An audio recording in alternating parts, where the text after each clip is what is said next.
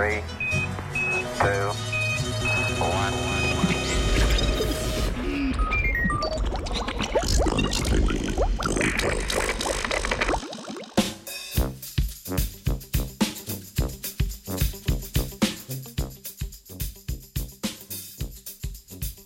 V današnjem znanstvenem Britofu pa na mesto zajtrka nevronske mreže in renormalizacija.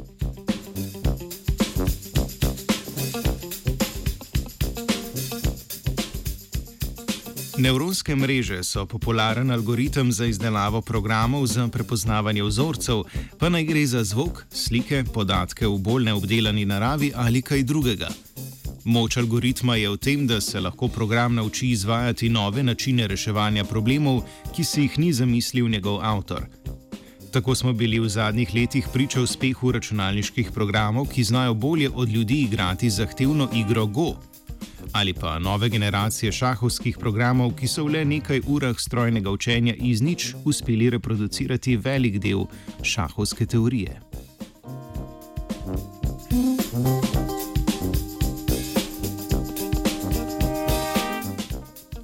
Omenjene aplikacije se nanašajo na prepoznavanje vzorcev, slik, optimalne poteze oziroma strategije, in zaradi tega so nevronske mreže primerne tudi za rabo v znanosti. Naprimer, podatke ob spremljanju trka protonov v CERN-u se da razumeti kot sliko, na podlagi mnogih slik pa lahko program naučimo ločevanja različnih procesov in iskanja anomalij. Nova raziskava pa se namesto na vzorce osredotoča na iskanje relevantnih fizikalnih količin v modelih.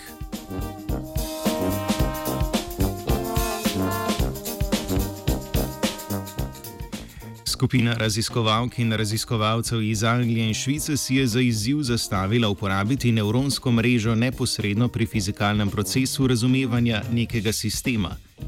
To je ločevanje sistema na relevantne in nerelevantne količine, pri čemer se moramo navadno zanašati na intuicijo in kakšen posrečen uvid.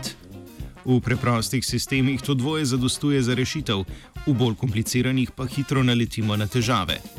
Brez identifikacije relevantnih količin se ne moremo zanašati na mnoga močna teoretična urodja za nadaljno obravnavo sistema, kot je renormalizacijska grupa.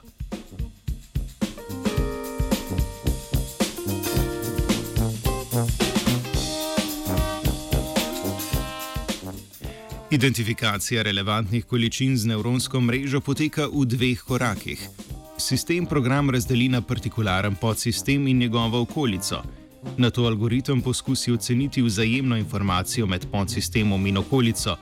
To je pogojna verjetnost, da sistem najdemo v določenem stanju, če je v določenem stanju njegova okolica. S tem predpostavimo, da se relevantne količine kažejo kot pomembne na velikih skalah.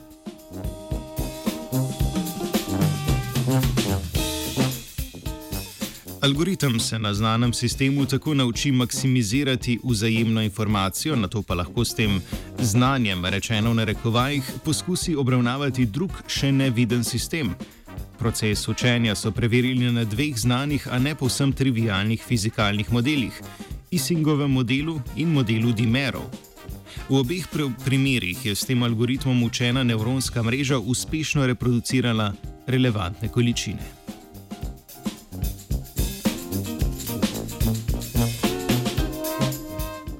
Raziskovalcem je uspelo tudi pokazati, da povsem generična nevronska mreža istega ni zmožna, torej je postopek maksimizacije vzajemne informacije pomemben za fizikalno smiselnost rezultatov.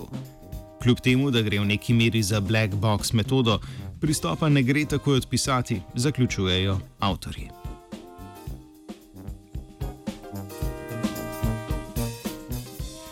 Spisal je Martin.